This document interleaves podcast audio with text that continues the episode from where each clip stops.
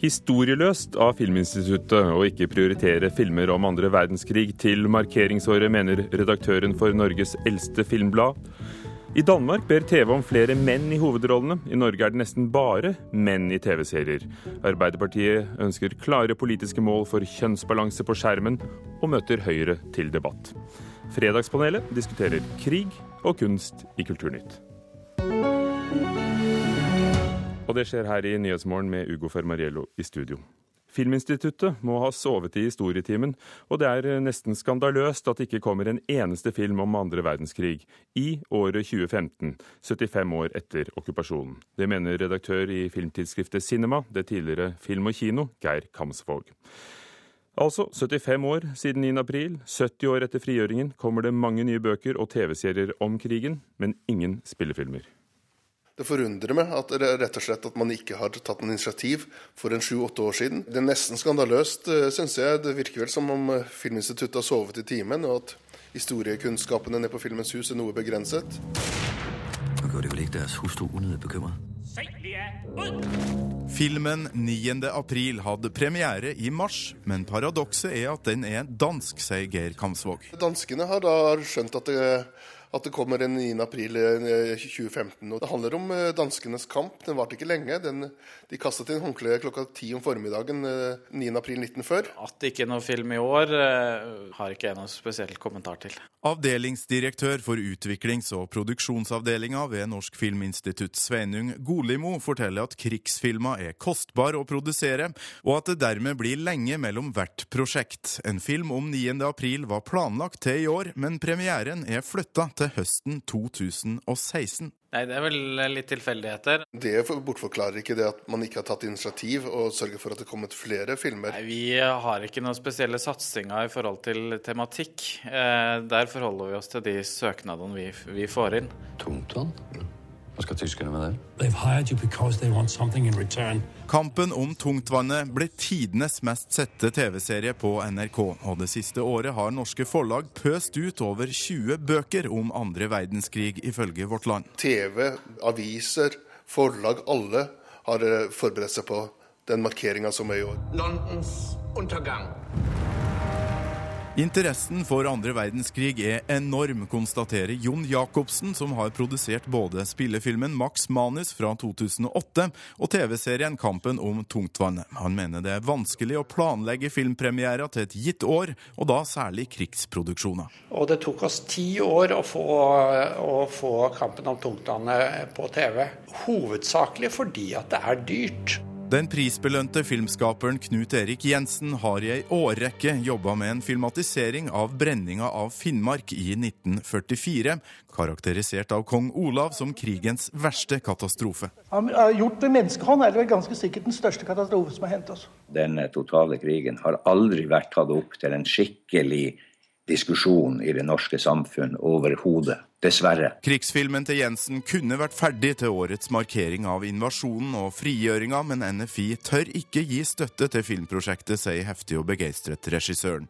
Han påpeker at han er den eneste gjenlevende filmskaperen som husker brenninga av Finnmark, og skal livsverket bli noe av, må det lages nå. Min opplevelse av de her begivenhetene er det som står i sentrum for den filmen jeg vil gjøre, og det har da ikke foreløpig Filminstituttet funnet ut er godt nok, interessant nok og noe de vil støtte. Vi har ikke noe spesielt fokus på, på andre verdenskrig eh, når vi vurderer søknader. Så da er det jo opp til de filmkonsulentene som eh, vi har her, å vurdere om, om, de velger å prioritere eh, det prosjektet hvis det kommer i søknadsbunken.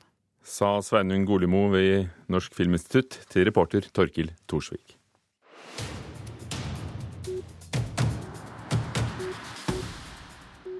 300 000 skoleelever risikerer å måtte bruke utdaterte ordbøker under vårens eksamener. Årsaken er at de digitale ordbøkene ikke blir oppdatert, og det gjør de ikke fordi det er en indre konflikt ved Universitetet i Oslo. Igjen reporter Torkel Thorsvik, hva har skjedd, hva er problemet? Jo, i dag er jo ordbøkene digitalisert, men eh, du er kanskje gammel nok til å huske eh, den gode gamle tida med analoge, ofte gule og litt eh, slitte bøker som lå på pulten.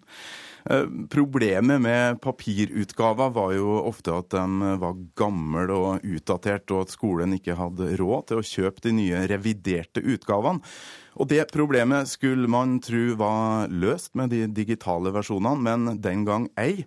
Ifølge Klassekampen er den eh, digitale ordboka som norske elever bruker i dag, ikke oppdatert. og Det kan føre til at de skriver feil på eksamen i vår, sjøl om de har sjekka teksten sin opp mot ordboka. Så burde de kanskje ha lært seg rettskriving før de satte seg ned til eksamen. Men hvorfor kan ikke uh, disse digitale ordbøkene bli oppdatert? For det fins jo. Ja, det burde være en enkel sak å sende en ny versjon til nedlasting, som man uh, ofte gjør, men eh, pga. en intern konflikt hos en av eierne av ordboka, Universitetet i Oslo, så blir altså de nye oppdateringene holdt tilbake. Det er snakk om en temmelig innvikla konflikt om rettigheter mellom universitetet og to språkforskere. Det hele henger sammen med en langvarig uenighet om framtida til de enorme språksamlingene som ledelsen ved Universitetet i Oslo rett og slett ikke lenger vil ha. Men det er andre som vil opprettholde her. Så det er en, en tung konflikt på universitetet på Blindern opp, rett oppi gata fra Marienlyst her. Og pga. denne striden så får altså tusenvis av norske elever utdaterte digitale ordbøker i vår. Rektor Wenche Norum Lund ved Rommen skole i Oslo reagerer sterkt på det her. Sier til Klassekampen at hun er sjokkert over at en ordboktjeneste de abonnerer på, ikke er oppdatert. Takk skal du ha, Torkil Thorsvik.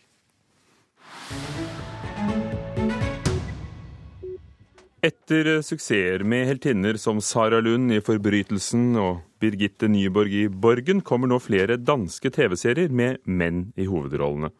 Som Kulturnytt fortalte i går, har nesten ingen av TV-seriene som har støttet av Norsk Filminstitutt i Norge, hatt kvinner i hovedrollene de siste fem årene. To av 15 var det.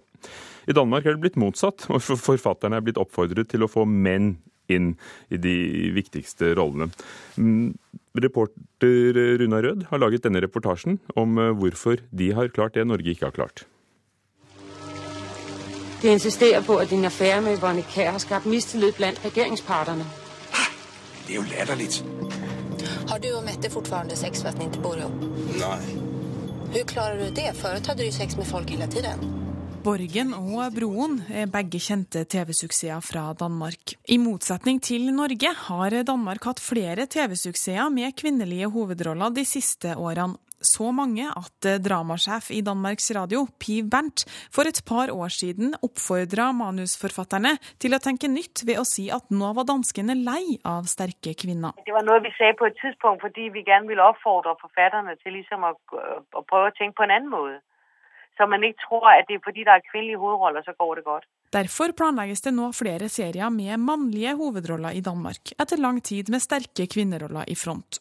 I går kunne NRK fortelle at det her hjemme de siste fem årene har vært 15 TV-serier finansiert av Norsk Filminstitutt, men bare to av disse hadde kvinnelige hovedroller.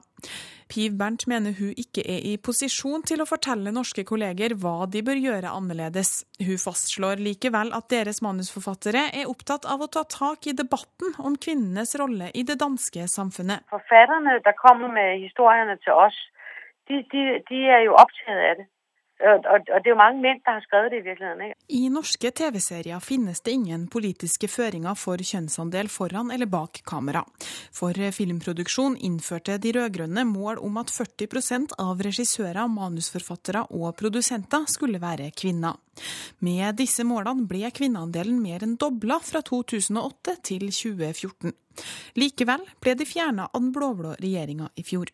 Dramasjef i NRK, Ivar Køhn, mener Norge har en vei å gå når det gjelder kvinneandelen i TV-seriene, og at det handler mye om å være bevisst på hva man velger. Ja, jeg tror at vi må være bevisste hele tida, at vi har en tendens til å velge sånn som vi pleier å velge. Og er det mange mannlige hovedroller i film eller TV-drama, så er det lett for at, vi bare opprettholder dette hvis vi ikke tenker oss om. Og Det er litt sånn å, vende gamle vaner. og det det, det, er ikke enkelt, og det tar litt tid, og man må være bevisste. Men selv om Danmarks Radio nå fokuserer mer på mannsrollene, betyr ikke det at kvinnene har noe mindre å komme med, sier Bernt. Så det er ikke det at kvinner er for kjedelige? Nei, nei for fanden, de er ikke kjedelige. Overhodet ikke. Nei, nå skal du bare vente og se. I vår neste serie der, der, der er det en mannlig hovedkarakter, men det er en meget, meget spennende kvinnelig karakter. Man kan ikke bare si nå er det menn, og så er det, så er det supergodt. Nå er det menn, og så er det supergodt. Sånn er det ikke ifølge Fiv Bernt i Danmarks eh, Radio. Rigmor Aasrud i Stortingets familie- og kulturkomité for Arbeiderpartiet. Danskene har eh, mange kvinnelige hovedroller i kjente TV-serier. Hva burde norske serieprodusenter gjort annerledes, mener du? Nei, Det er veldig bra at Danmark har fått opp eh, kvinnelige hovedrolleinnehavere. Og jeg er veldig glad for at vi har fått en viss bedring i filmbransjen de siste åra. så så jeg syns det er viktig at vi diskuterer hvordan vi kan få opp flere kvinnelige hovedrolleinnehavere, for det er viktig. Samfunnet Vi trenger å speile det samfunnet vi lever i. Og da er serier, filmer, viktige identitetsmarkører for mange. Og det at vi da bare ser kvinner i biroller, er ikke bra. Så derfor så må vi leite etter virkemidler som gjør at vi får flere kvinnelige hovedrolleinnehavere også. Og da har vi jo sett at ordning med kvotering, moderat kvotering og mål om 40% har virka for resten av bransjen. Eh, så får vi se om det er nødvendig å gjøre det for å få opp flere hovedrolleinnehavere. Jeg skulle ønske vi ikke behøvde det, men sånn som situasjonen er, så klarer jo ikke bransjen å ta det ansvaret sjøl. Linda Helleland, stortingsrepresentant fra Høyre og tidligere leder av Høyres kvinneforum. Er det kvotering som skal til? Jeg hadde ønska meg at jeg kunne ha fått en debatt med Arbeiderpartiet om eh, hvilke andre typer tiltak vi kan eh, se på. Men nå må jeg jo si at det er jo veldig mye dyktige folk som utvikler norsk film- og TV-produksjon eh, de siste årene. Det lages utrolig mye god film både for kino og TV, og det anerkjennes også av pub norske publikum som i økende grad velger å se norske produksjoner. Men når vi ser til Danmark, ja, men så ser vi til Danmark. Sånn. Sant? Ja. De har ikke brukt kvotering i hele tatt. De har ikke eh, det tiltaket som eh, Arbeiderpartiet mener svaret på, på, alt. Likevel så må de gå ut nå og oppfordre da, eh, menn, eh, flere menn til, til, til, å få de rollene. ikke sant? Da mener jeg da må vi gjøre det motsatte i Norge. Vi må si vi er lei alle disse eh, hovedrollene for eh, menn, hvor det er en sånn slu og, og kynisk eh, eh, figur ikke sant, som vi har vært vant til å se alltid. kvinner er jo like spennende, og det ser vi nettopp med Borgen og forbrytelser forelskelse. Eh, de her smågale damene ikke sant, som, som, som gjør at det, det, er en med dem som, som, fanger publikum. Og det er dem som har oppnådd internasjonal suksess. Det er dem som tjener det penger, det er dem som når fram. Og da er det litt underlig at også ikke norske manusforfattere ser det. Og hva vil du da gjøre med det, hvis du mener at eh, likestilling på skjermen er et mål? Ja, jeg tror jo ikke at eh, når vi, altså når vi, ser på Danmark nå, og at eh, kvotering der eh, ikke er svaret, så tror jeg at vi som publikum må ute publikumsmakt. Vi ønsker å se flere kvinner i, i hovedrolle.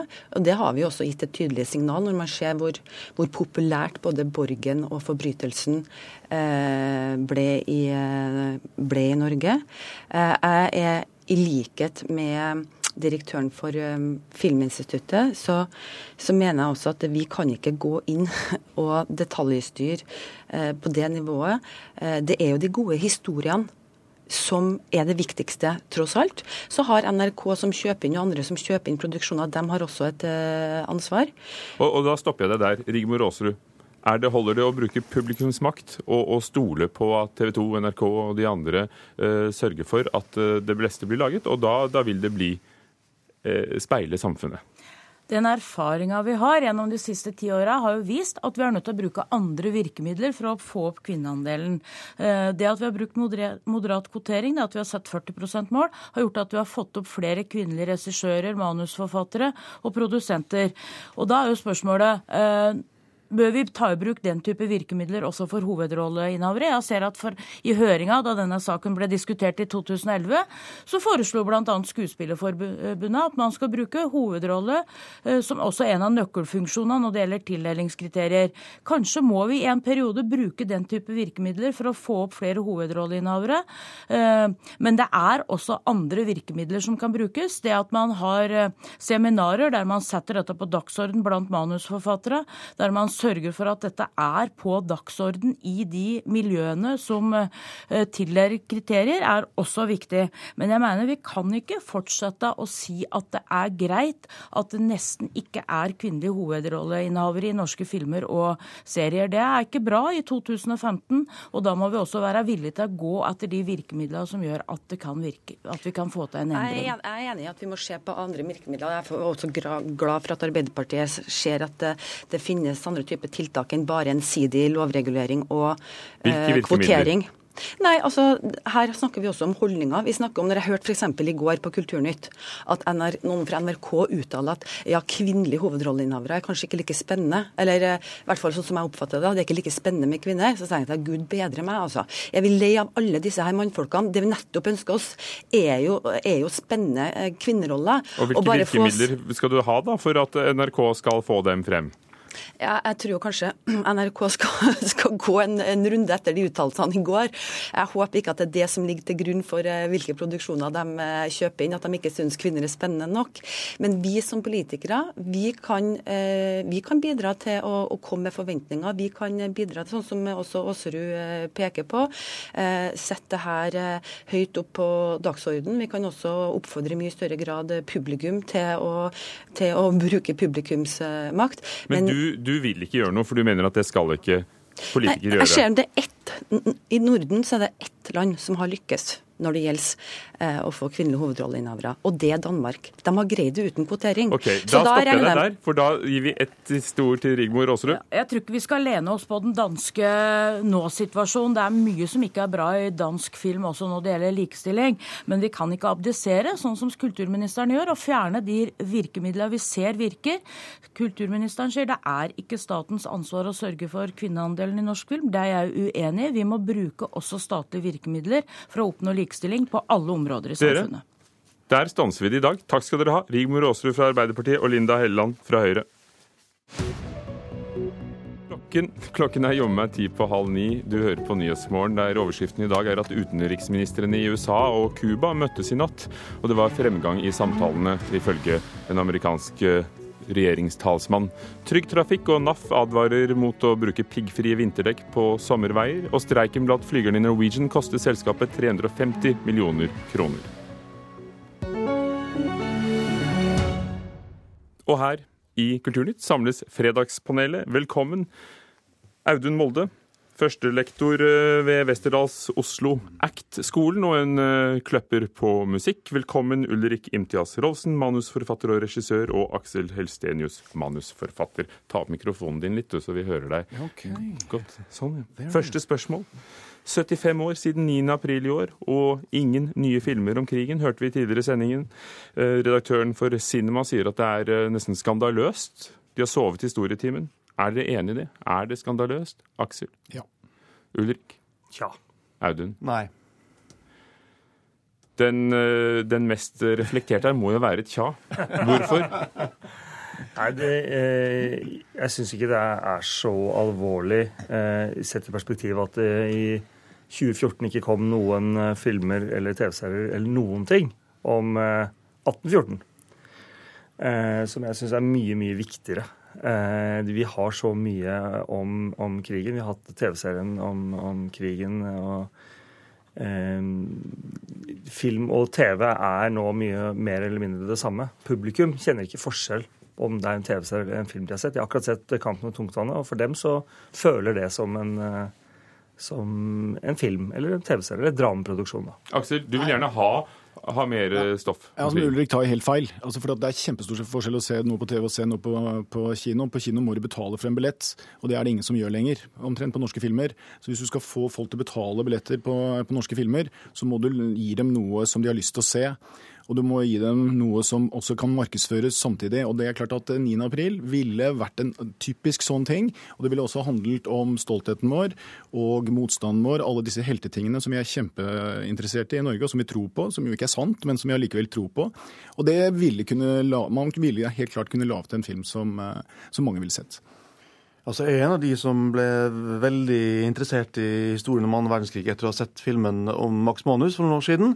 Jeg skjønner jo nå at det var litt dumt av meg, fordi at den filmen burde hatt premiere den 9.12. i fjor. Eh, da var det nemlig 100 år siden Max Manus ble født. Eh, så jeg mener jo at det er viktigere at en film er bra, enn akkurat hvilken premieredato den har i forhold til disse jubileene. Jeg mener vi er altfor opptatt av jubileer og feire at folk er født og døde i norsk kulturliv, som det er, om ikke filmbransjen også skal hekte seg på akkurat den der. Og det er jo en film under oppseiling nå, eller Erik Poppe sin film om Kongens nei. Den bør være bra. Jeg har lest boka og har veldig høye forventninger til den filmen. Det er viktig for meg som kinogjenger at den filmen er god, enn at premieredatoen var i går. Hva tror du er årsaken til Ulrik, at, blitt, at vi ikke lager så mye filmer og litteratur om 1814? Kan det være at det er mye kost, mer kostbart å lage kostymer?